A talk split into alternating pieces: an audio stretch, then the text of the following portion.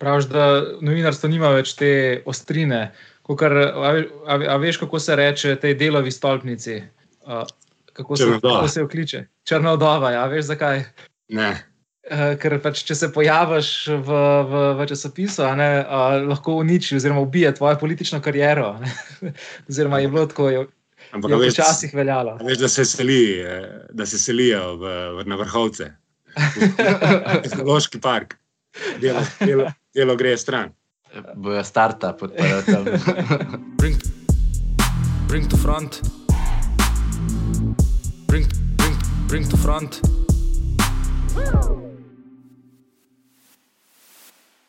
Uh, Živijo, lepo pozdravljeni nazaj v tej posebni epizodi uh, Bring to Front. Uh, gre za serijo epizod, ki nastajajo v koprodukciji s CZK in temeljijo na knjižici Kulturno-kreativni imperativ, ki jo je izdal Center za kreativnost uredila pa jo je Barbara Predan. Eh, ta knjižica se ukvarja z analizo kulturnega in kreativnega sektorja, ki ga je pripravil Inštitut za ekonomska raziskovanja.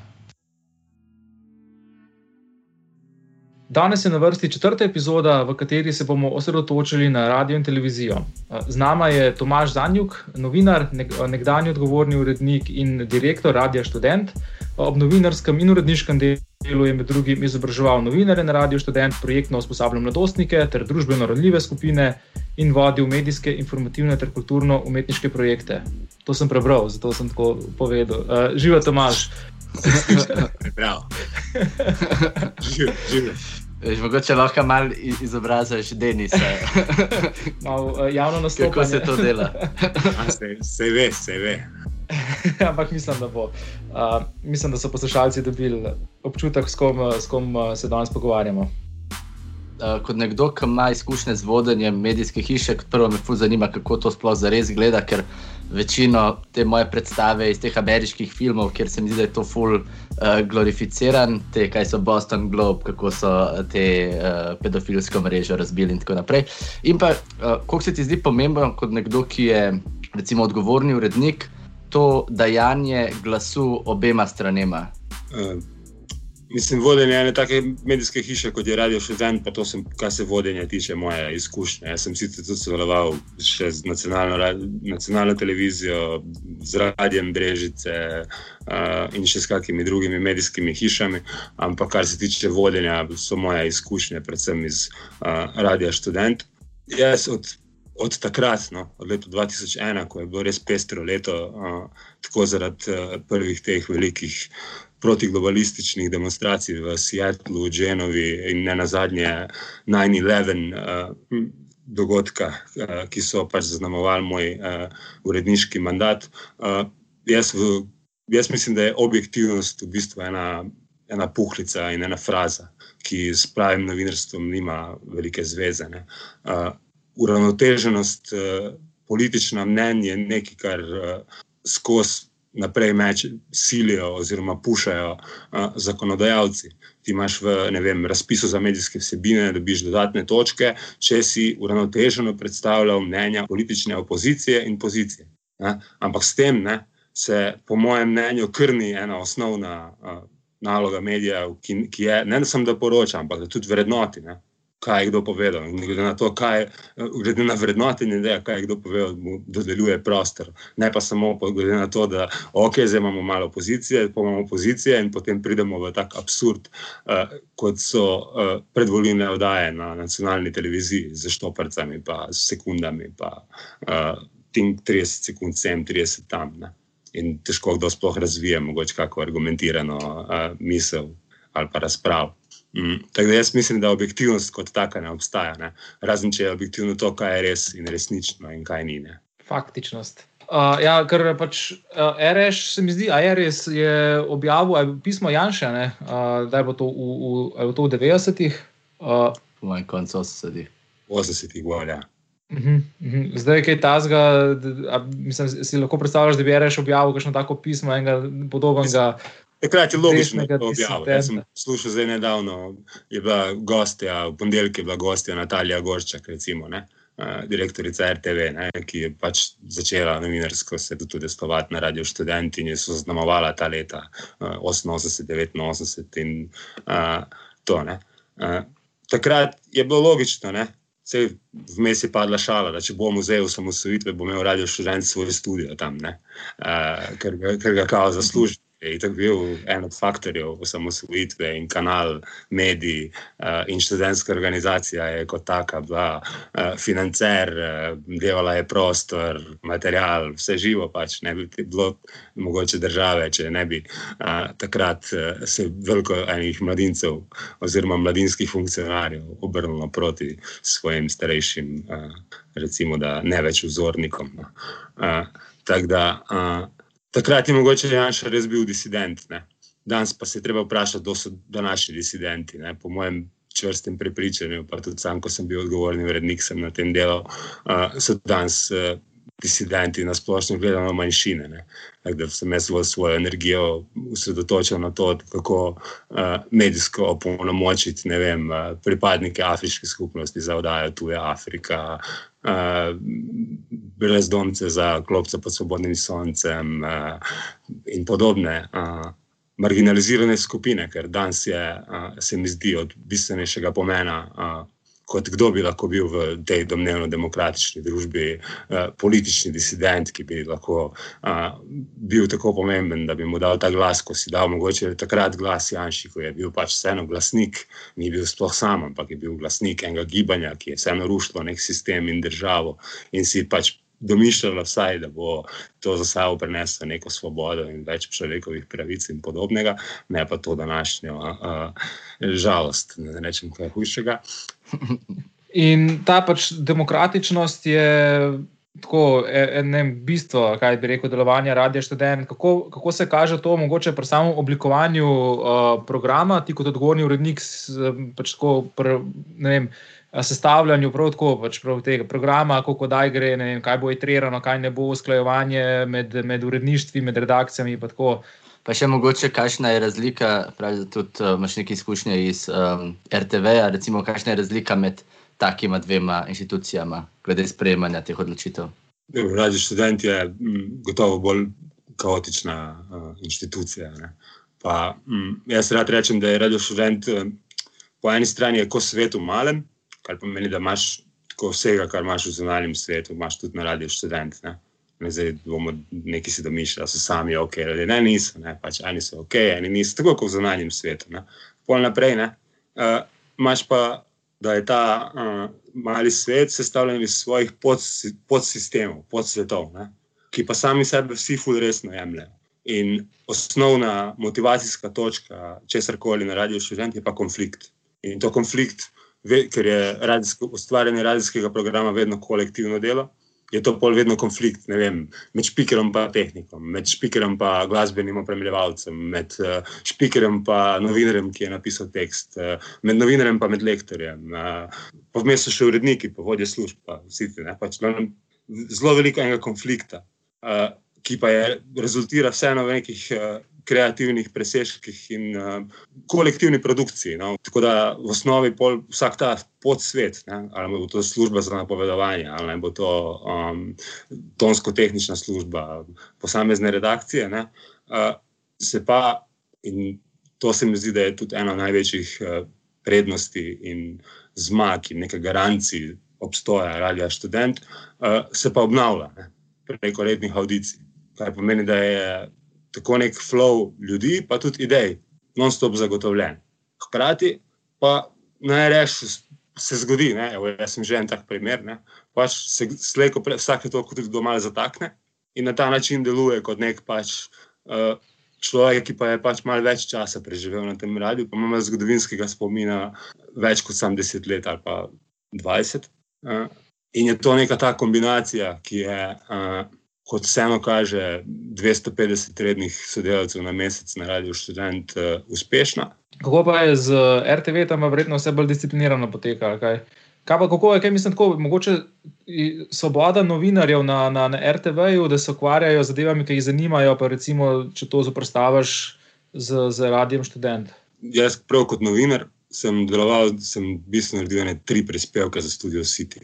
Pol pa mi se to nekako lahko bi še, pa mi nisi nekako dalo. Ne pač nekak, ni, ni, ni, ni me potegnilo. No. Pač to je tako cel teden delaš za dve minute uh, prispevka. enim je to mogoče odgovarja kot format, uh, meni se to takrat zdelo odločno premalo in tudi večina teh prispevkov, ki so bili objavljeni, so bili tam bolj proti 4 minute. Uh, ampak uh, m, več let, ene tri ali štiri, sem pa uh, delal v uredništvu programov za tujino in sicer eno oddajo, ki se je reklo CNN World Report, svet poroča. Uh, to je bilo pa nekaj, kar je med, bilo na CNN-u od vem, ob sobotah in nedeljah, in si poti v bistvu zbral za pol ure, pa prevedel uh, kot redakcija in prevod uh, teh prispevkov za pol ure, in je pol to šlo vem, v poznih večernih urah uh, uh, na drugem programu, uh, ob torkih, se mi zdi. Svet, po, svet poroča je bilo oddaje. No, ampak to je bilo kar tako v redu, zato ker so za, to je bil nek dokaz kao CNN-ove odprtosti in demokratičnosti, pa so pa bili tudi Kitajci, pa Kubanci, pa tudi te malo bolj eksotične uh, države in režimi. Uh, so pošiljali prispevke, tako da to mi je bilo ok. Uh, jaz RTV bolj vidim kot uh, to je en res, ogro, to je en res ogromen mastodont, ne, v katerem je fuljenih ljudi. Ne ker se fu stvari včasih da v tri roke, na mesto z ene, eno, uh, mogoče tudi ne pa potrebne, ampak ne bom jaz to sodel. Meni se zdi, da pač vsaka resna država potrebuje uh, nacionalne javne medije in da vsaka resna država jim mora zagotoviti pogoje, da bojo uh, lahko delali in da se bo jih lahko tudi vrednotilo. Ne? Uh, jaz se ne morem strinjati s tem, da se RTV-ju uh, odzamejo ta sredstva, kot je uh, načrtovalo Ministrstvo za kulturo. Hkrati se pa tudi ne morem strinjati, da zdaj nihče več ne kritizira program uh, ki ga ponujajo. Pa pustimo se ob strani radio, radio dela res izjemno neko delo. Uh, ampak, če pa gremo čez gledati televizijski program, pa to je daleč od nekih preseškov. Ne? Uh, ampak se zdaj tudi v tej luči nišče več s tem ne ukvarja. Ne? Si se ukvarjal, kako ali bo jim bo ratilo zamenjati direktorja, ne bo ratilo, nišče pa se ne ukvarja več za res z neko uh, vsebino nacionalnega medija, ker očitno tudi te oblastnike vsebina ni kakovost, saj ne, standardi, niti ne zanima, ne, zanima jih samo nadzor. Ne. Uh, Krsto Papič je naredil krasen dokumentarec o 70-ih, o piratskih uh, radijskih postajah po uh, podeželju Jugoslavije, predvsem Srbije in Hrvaške. Ne. Uh, ko so kar bile piratske postaje, ko so doma naredili anteno, tudi tam zgodnih 50-60-ih uh, so še obstajale, pa so jih pa te oblasti pač uh, vse več ali manj zaprle. In istočasno so tudi recimo, največji slav, slavni časi teh piratskih radijskih postaj na zahodu, so isto bili nekje v 70-ih, še ne. Pa pol mogoče tudi v 80-ih, sploh poskusi s čovni, uh, da oddajajo iz čovni. Pa uh, ne na zadnje imamo en primer tukaj v najbližji soseščini, Radio Agora. Uh, Radio slovenske skupnosti v Avstriji je uh, oddajal iz uh, Italije, ker v Avstriji, v, v Avstriji praktično ni smel oddajati v nobenem drugem jeziku, razen nemščini, avstrijščini, uh, in so zato pol svoje oddajnike namestili v Italijo in, prek, in iz Italije oddajali na avstrijsko stran, dokler ni ta zakon bil uh, spremenjen. Uh, tako da tam to, ta neka tradicija piratskih radijev, jaz bolj razumem kot nek boj za vzpostavitev uh, tega tretjega medijskega sektorja, skup, svobodnih skupnostnih radijskih postaj. In pol tudi, če govorimo o nekem tem evropskem povezovanju, uh, radio študence v evropskem smislu smatra za komunity radio, za radio skupnosti. In se tudi s takimi radiji povezuje uh, v okviru teh uh, razno raznih ali kulturnih ali pa civilno-družbenih političnih projektov. Evropskih, s katerimi sodeluje. Uh, tako da je ta neka borba rezultirala v tem, da so se te piratske postaje po večinoma povsod legalizirale. Ne? En tak dober primer je recimo Radio Popolare uh, iz Milana, uh, ki je isto v 70-ih začel kot piratska radijska postaja. Polje pa uh, dobil papirje za lokalno, neprofitno radijsko postajo in nikoli ni hotel biti več kot to, ker je to pač najcenejša radijska licenca v Italiji. Uh, hkrati pa uh, v vsakem malce večjem mestu Italije obstaja en skupnostni radio, ki je del mreže Radio Popolare. In ta mreža ob isti uri po celi Italiji uh, predvaja informativne vsebine, ki jih posluša več kot 2 milijona ljudi vsak dan. Uh, in hkrati imajo tudi mrežo dopisnikov iz vseh koncev Italije, ker je vsake mesto en tak radio. Uh, ta radio recimo tako funkcionira, da je glavni organ zadruga, kooperativa vseh sedanjih pa nekdanjih zaposlenih. Uh, ko so pa imeli finančne težave, so pa začeli prodajati delnice. In so prodali delnice ven, glih tok, da niso izgubili kontrolnega paketa, ne, 49 posto, ampak hkrati tako, da nihče tudi ni mogel kupiti več kot ne vem, pet ali deset delnic. In so te delnice kupili njihovi poslušalci, ki so s tem postali tudi njihovi delničari. In poloni, recimo, vsako leto zračunajo, koliko v bistvu reklam za res rabijo, da pridejo skozi na neki te svoje pozitivni nuli, in pol toliko reklam imajo če so uspešni na projektih, če so uspešni, kaj se vem, pri kakšnih drugih stvareh, imajo toliko manj reklam. Če je fundraising, recimo, uspešen, imajo uh, toliko manj reklam. E, kako to je pa skozi neka borba za, za, za financiranje poteka na teh radijih? Uh... To, pa, to, pa. to pa je značilnost tega tretjega medijskega sektorja. Uh, ki pri nas, recimo v Sloveniji, sploh kot tako. Ja, lahko samo vprašam eno tako vprašanje, mogoče za Nubovsko. Kaj je ta, kaj ta tretji medijski sektor, kaj točno to pomeni? Ja, v osnovi, če, če rečeš, da, imaš, da so glavne dve vrste, glavne dve vrste medijev, medijev, recimo, da jih delimo na javne uh, in na zasebne. Ne.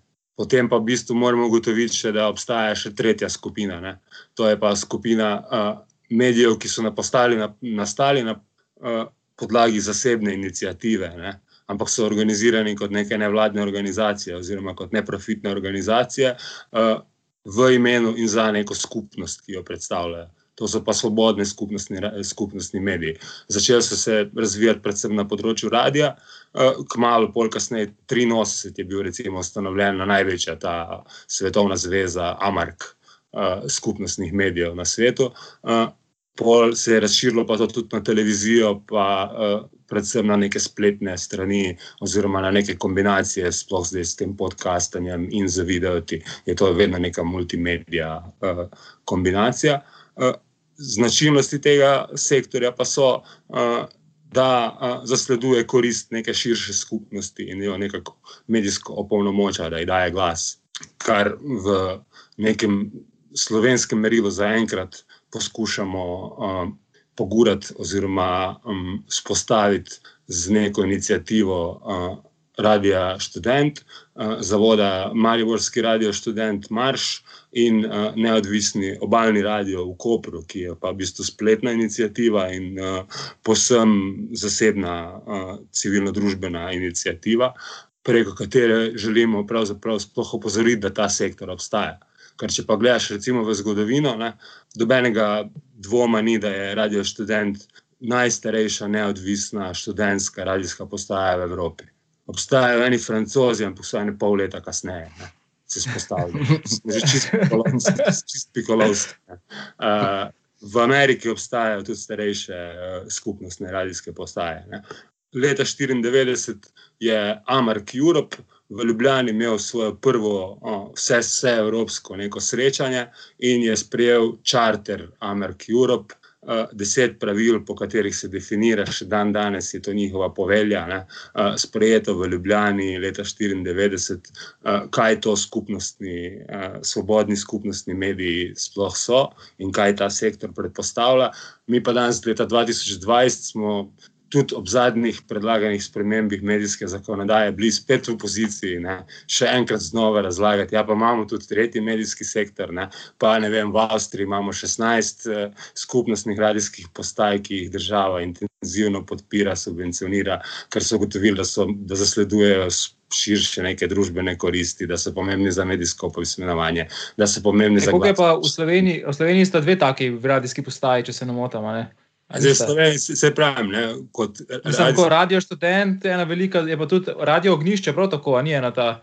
Ja, zdaj, radio, radio ognišče ne, ima pri definiciji svobodnih in skupnostnih medijev vključno to težavo, ne, uh, da ne vključuje vseh, ampak pač izključuje, zastopa eno versko skupnost. Ne, in kot tak. Ne, uh, bi, tež, bi težko uh, zadostil kriterij skupnostnega medija. Uh, je bolj to, tukaj pač govorimo o klasičnem uh, religijskem mediju, ne, ki tudi seveda obstajajo. Ne, tako kot obstajajo politični mediji, bolj javno ali manj javno uh, politično opredeljeni, tako obstajajo te uh, religijski mediji. Kaj pa po eni strani. Um... praviš, da se zmanjšuje se pravi, število nekih teh piratskih radijev, po drugi strani ful neka rast teh podcastov in teh nekih mikro uh, medijev se je zgodila. Mene zanima, če veš v, v tem nekem tehničnem smislu, kako sploh zaštartaš radio in pa kako priješ potem do tega, da ta ilegalni radio registriraš in dobiš neke licenco za, za oddajanje in tako naprej.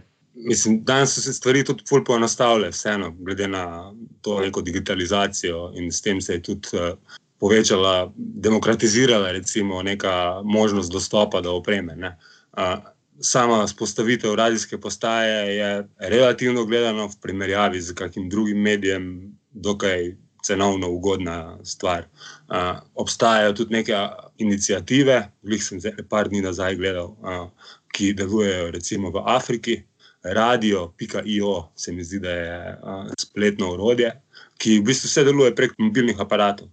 Uh, se lahko vzpostavi FM, delujoča radijska postaja, ki uh, potem, odvisno od uh, dometa oddajnika, pokriva uh, določeno območje v Afriki in na ta način nekako služi in obvešča skupnost in služi kot nek informacijski kanal.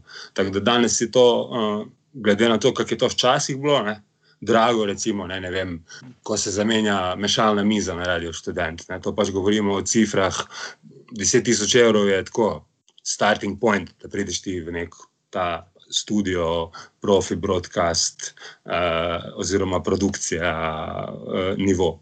Uh, včasih smo sicer rekli, da smo prerevni, da bi lahko povali pocen uh, na radio študent, ampak to so ene take cifre, pač, ko uh, so včasih predstavljale ful neko oviro da bi nekdo lahko na vsaj približno profesionalen nivo pristopil v produkcijo radijskega medija. Danes z to neko digitalizacijo se je pa vse v bistvu res, ne, tudi glede produkcijskih sredstev, na nek način demokratiziralo. Ne. Ampak hkrati pa to pomeni tudi, zdaj, da pridem še na te podcaste in vse to. Ne. Problem v glavnem je ta, da vsak je lahko sam svoj mikroizdajatelj uh, nekih vsebin, ne. je pa pol v tem, da pa v teh vsebin je pa pač preveč. Ne. In potem je vsebin toliko mnogo, ne? in te vsebine, seveda, niso vse enako kvalitetne. In potem pa pridemo do neke te klasične vloge medija, ne? oziroma uredniške gatekeepers vloge, ne? po kateri pa pač mediji potrebujemo za to, da nekdo na mesto nas filtrira in selektira in uh, po novinarskih standardih obdela uh, informacije, ki jih potem mi uh, zaužijemo. Ne? Ja, kar je meni zanimivo, je v bistvu, da jih ta način širjenja informacij in oziroma tudi nekega.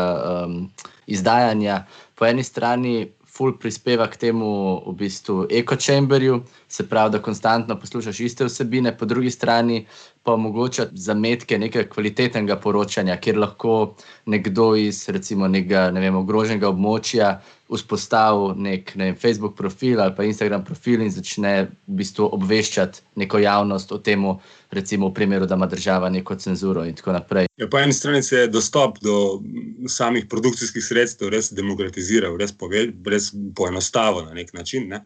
Uh, po drugi strani pa se uh, sočasno ne, ni zvišala raven medijske pismenosti. Ne.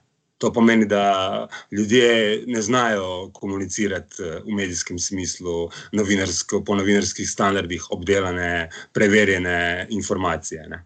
V kjer ni toliko pomembno, da so zdaj zastopane vse strani, ampak ne na zadnje, kaj je res in kaj ni. Ne ker dan danes, eh, kaj se dogaja, da v medijskem prostoru, prostoru delujejo tudi mediji, ki pa mogoče včasih sploh ne bi rekli mediji, ne? ker ne zasledujejo osnovnih načel uh, zavezanosti, odgovornosti do neke javnosti uh, in ne na zadnje čiste tega, kaj je res, ne, ne pa kaj je pač politično stališče. Ja, pa mislim, da mediji tudi vedno zadnjih par let dajo občutek, kukr, da nikoli ni bila mogoče situacija tako kritična, kot je trenutno, zaradi tega, ker dogaja se napadi vlade na RTV, manjšanje financiranja neodvisnim postajam, vzpon uh, nekih komercialnih medijev in financiranih medijev iz tujine, iz Mačarske, bolj specifično. A se ti zdi, mogoče nekdo, kot nekdo, ki ima malce širši pogled v to medijsko krajino Slovenije, a je to nekako res ta premica drsina vzdolj? ali je to samo nek občutek, ki ga imamo zaradi tega nekega bias uh, sedanjosti. No? Dejstvo je, da se na področju medijev dogaja to, da v medijski posel vstopajo izdajatelji, ki jim to sploh ni neka osnovna medijska dejavnost. In dejstvo je, da uh, uh, tako zelo polarizirano uh, medijsko sceno, kot jo imamo zdaj, kjer, kjer smo se skoraj približali nekem tem.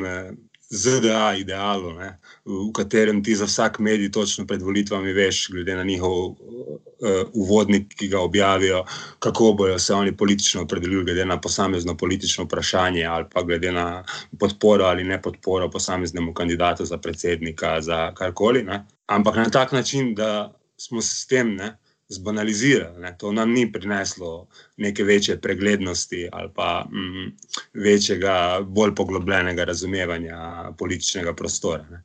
Prišli smo samo do tega, da mm, se določeni ljudje izpostavljajo samo določenim medijskim vsebinam ne. in da med temi, med temi dvemi nekimi. Um, Polje ali pa razumevanje, v bistvu sploh ni dobenega dialoga, ampak je samo neko izključevanje. In tukaj v bistvu pa pravzaprav izgubljamo neke osnovne m, predpostavke za neko demokratično javno razpravo o nekih vprašanjih, ki zadevajo to družbo, državo, ki so pomembna za sedanjost, prihodnost, whatever. Uh, glede tretje Janševe vlade je pa tako, no, to ni prvič. Ne. Vse, kar se zdaj že dogaja, smo videli že leta 2004, pa potem še enkrat leta 2008, ne, uh, oziroma ne 2012. No, uh, Večji problem, po mojem trdnem prepričanju, je to, ne, da pravzaprav vsakič, potem, tudi ko se pojanši oblast zamenja, ne, dobena oblast za res ne, uh, ne počisti oziroma ne popravi nazaj v neke standarde demokracije, strokovnosti, reči. Ne. Primer zakona o RTV-ju je uh, dr. Vasko Simoniti sprejel za časa svojega prvega mandata kot ministr za kulturo, ne, kar neki vlad je bilo izrazito samo uklicano levo usmerjenih, ne, pa ne vem, razen ministrice Majde Širca, ne, ki je potem odstopila, pa že kot odstopljena ministrica branila zakon, ki je potem neslavno propadal v državnem zboru, eh, novo RTV. Uh, nihče ni uh, pretirano se znemirjal, da je uh, in nadzorni in programski uh, odbor nacionalne radio televizije urejen tako, da ima prepričljivo politiko, večino v njem vladajo, vsakokratna vladajoča politika, kar je v neskladju z vsemi standardi medijskega zagotavljanja neke medijske avtonomije in neodvisnosti v demokratičnih družbah. Uh, Meni men se to zdi večji problem. No? Ker vse to, kar pa se že dogaja, ne? vse smo bili že priča skoraj čistemu uničenju dela, vse smo bili priča že enkratnem prevzemu slovenske tiskovne agencije, današnji direktor UKOM je bil tam govorni urednik. Vse smo bili že priča vem, napadu na RTV in tudi neki prelevitvi RTV v en drugačen medij, od katerega se pravzaprav še nikoli niso čez zares uh, opomogli ne glede na vse. Ne. To nič ni to tako zelo novega. Ne. To je ta nek nivo ne, uničevanja uh, družbenih podsistemov, uh, ki bi naj preživeli ene ali druge uh, politične opcije na izvršni in zakonodajni oblasti. Trenutna oblast si pač tako svojega uh, vodenja, vladanja ne predstavlja. Ne. Predstavlja si kot popolno podreditev. A je to mogoče problem? Uh odnosa do javnih medijskih hiš, uh, ker meni se zdi zdaj z, z usponom teh različnih, različnih uh, politično bolj opredeljenih medijev, da se je samo ta medijski prostor bolj ideološko pluraliziral, ne, da je bil prej pač mogoče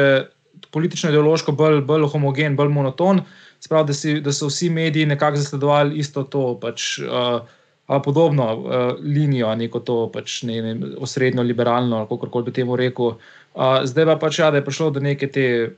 Z vstopom političnih strank v medijski prostor, tudi do polarizacije, te ideološke bolj. Je prišlo, sem istočasno je pa prišlo tudi do tega, da se ti pri vsakem mediju moraš vprašati, o čem on in zakaj ne govori. In to pa brez izjeme lahko govorimo in za levo, tako imenovani levi del uh, medijskega pola, ali pa desni. Dejstvo je, da se potem ene teme v določenih medijih ne pojavljajo. Ali to levo ali pa desno, čisto vseeno. In zdaj, ali so s tem bralci res na, na boljšem, ali je, je to ta pluralnost. Ali bi bilo mogoče bolje, da se teme pojavljajo povsod in so pač obdelane, mogoče z različnih plati. S tem pa bo tudi naprej, ne? te neki politični mediji. Ne? To, to več zdavne nima nikakršne zveze z mediji. Ne? To so propagandna glasila, v katerih je še najmanj pomembno, da bi bilo res, kaj tam, no, o čemer se poroča. Pomembne je ne vem, neke emocije, pomembne so neke nizke strasti, vse drugo, uh, kot to, kar bi uh, pričakoval od neke kvalitetne ali pa, ali pa tudi trivijalne medijske vsebine, ampak medijske vsebine. Mm, a se dotaknemo še malo delovnih razmer, kaj si seznanjen z delovnimi razmerami v, v panogi? V enem od intervjujev si uh, omenil to, da recimo na RŠ-ju je nekako razmerje med zaposlenimi in honorarci bistveno v, v prid honorarcev. Ne, jaz sem šel tudi malo gledati te statistike. In v bistvu, kar je zanimivo, je, da radio in televizija v primerjavi z ostalimi panogami sploh nimajo tako velik delež samozaposlenih. Recimo radio in televizija imajo nekje okoli 55, kar je še zmeraj zelo velik, ampak v primerjavi z oblikovanjem in vizualno umetnost, kjer jih je več kot 80, video in film, kjer so praktično vsi. Um, tako da me zanima, mogoče kakšno je malo stanje v tem sektorju, pa če je, koliko je bil ta sektor mogoče prizadet zaradi te pandemije. Mislim, jaz mislim, da je stanje slabo. Ne? Stanje je pa slabo iz uh, več, uh, več vrst razlogov, in nekateri so, seveda, še vsi iz časov pred uh, COVID-19 epidemijo. Uh, najprej je nekaj, kar smo mi 2020 priča izrazitemu, izrazitemu koncentra procesom kon medijske koncentracije. Uh, procesom medijske koncentracije, ki grejo v smer, ko jo, ko, ko jo celo eksplicitno prepoveduje zakon o medijih, ki recimo ne dovoljuje združevanja televizijske in radijske dejavnosti ali pa oglaševanja pa televizijske in radijske dejavnosti ali pa televizijske in radijske dejavnosti in tiskanih medijev in podobno. Ne? Ampak hkrati, ne, pa mi, recimo, če govorimo o radijskem, nekem tem zasebnem področju, ne, v Sloveniji so obstajajo tri uh, glavne mreže, in sočasno uh, takšna uh, zasičenost frekvenčnega prostora, da več ni novih frekvenc, ni več frek FM frekvenčnega prostora. Nekaj se zdaj odpira na DAP plus področju, ampak tukaj imamo pa nov izziv, kdaj bodo množično dostopni predvajalniki, uh, tuneri. Ni, ljudje pač nimajo predvajalnikov. Če pa gledamo iz FM, analogne uh, radiodifuzije, je frekvenčni prostor zaseden zasičen. Pač 0,3 je v Sloveniji, mora biti med eno in drugo frekvenco FM-a uh, in je zasičen. In potem, če do, no, do zamenjave nekega lasništva, ali pa če se pride samo, ko kakšna radijska postaja propade, to pa pol pomeni, ne, da vsaka radijska postaja, ki vsaj približno pride pod, v težave, oziroma je na prodaj, ne, postane uh, takoj uh, cilj prevzema ene od treh obstoječih radijskih mrež. In tukaj govorimo o pač eh, Radio 1, Infonet mreži, uh, Aktual, Veseljak, uh, Krater Media in ne vem, kaj so že vsi povezani, povezane podjetja. Pod črto je naredil obsežno raziskavo Veriga Martina Odlaska in tretja Radio Center.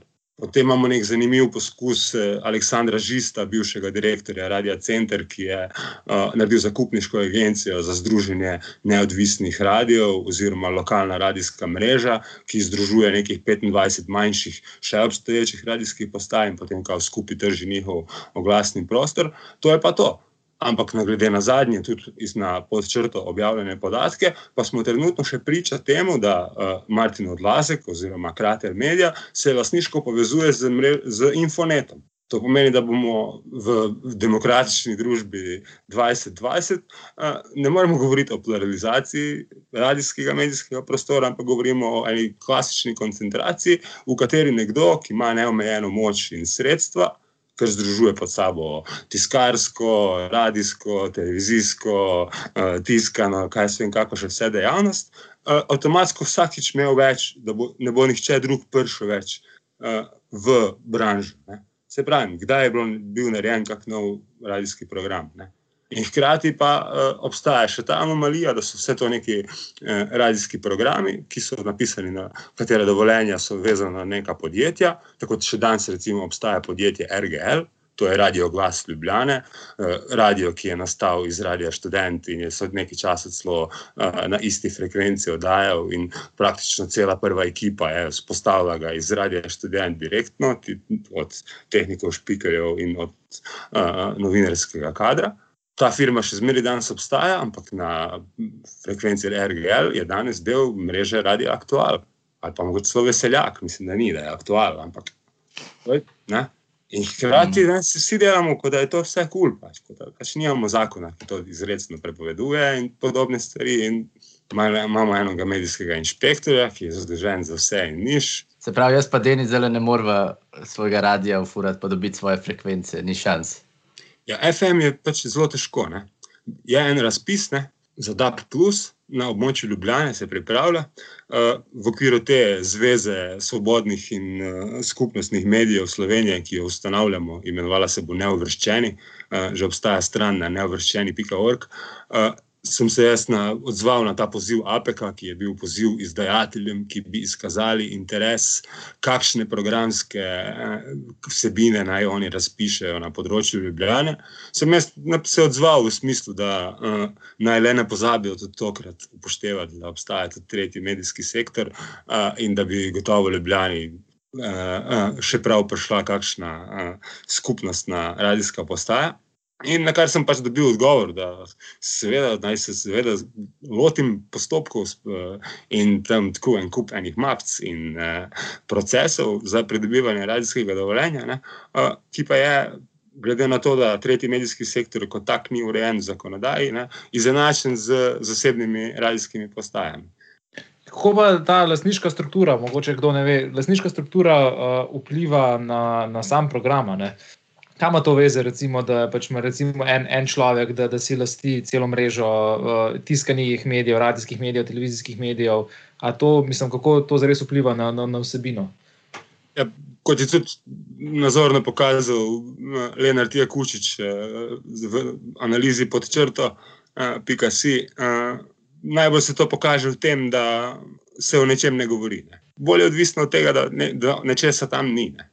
Oziroma, če že je, včasih pa prikrito navijaško, ampak to je lahko samo slabo novinarstvo, ne glede na to, ali je to v levih ali pa desnih medijih. Sedaj, primer tega je tudi, da takoj, ko dobiš dost moči, pa denarja, prva stvar, kar narediš, je odpreš svoj medij. Ne? Recimo Jeff Bezos, dober primer tega. In tako naprej. Kaj bi predlagal kolegom, ki delajo zdaj uh, aktivno v novinarstvu, kako se soočati s to situacijo in kako v bistvu tudi pomagati na nek način, da situacija čim prej mine. Meni se zdi, da je to vseeno neka odgovornost pač do tega, uh, kaj in kako sporočaš uh, tudi o teh uh, epidemioloških razmerah, pa mogoče še bolj o tem, kaj se dogaja vse pod krinko uh, te epidemije, uh, ker očitno je to tisto, kar bo nas še dalj časa teplo, kot pa sama neka uh, epidemija. Kaj vse se skriva v vsakokratni različici PKP zakona. Uh, tako da tukaj bo novinarski prispevek ne nadomestljiv. No. Ne, jaz mislim, da novinarstvo ima prihodnost. No. To ni to ne, ne bi ne me zdaj preveč črno gledal, razumeti. Ne. Se obstajajo tako, pocenila so se produkcijska sredstva, substak, recimo, ne, je ena taka reč. Ne. Uveljavljena imena v Ameriki odhajajo od major news outletov, pa grejo na svoje za subscriberje in direkt uh, plačenimi uh, rečmi, ali pa Patreon, ali pa vse full tega. No. To je to. Super. Je dobro. Hvala. Uh, Tomaž, še enkrat, ful hvala, mislim, da je ful informativno. No? Uh, tako da, best. Ajde, hvala ti.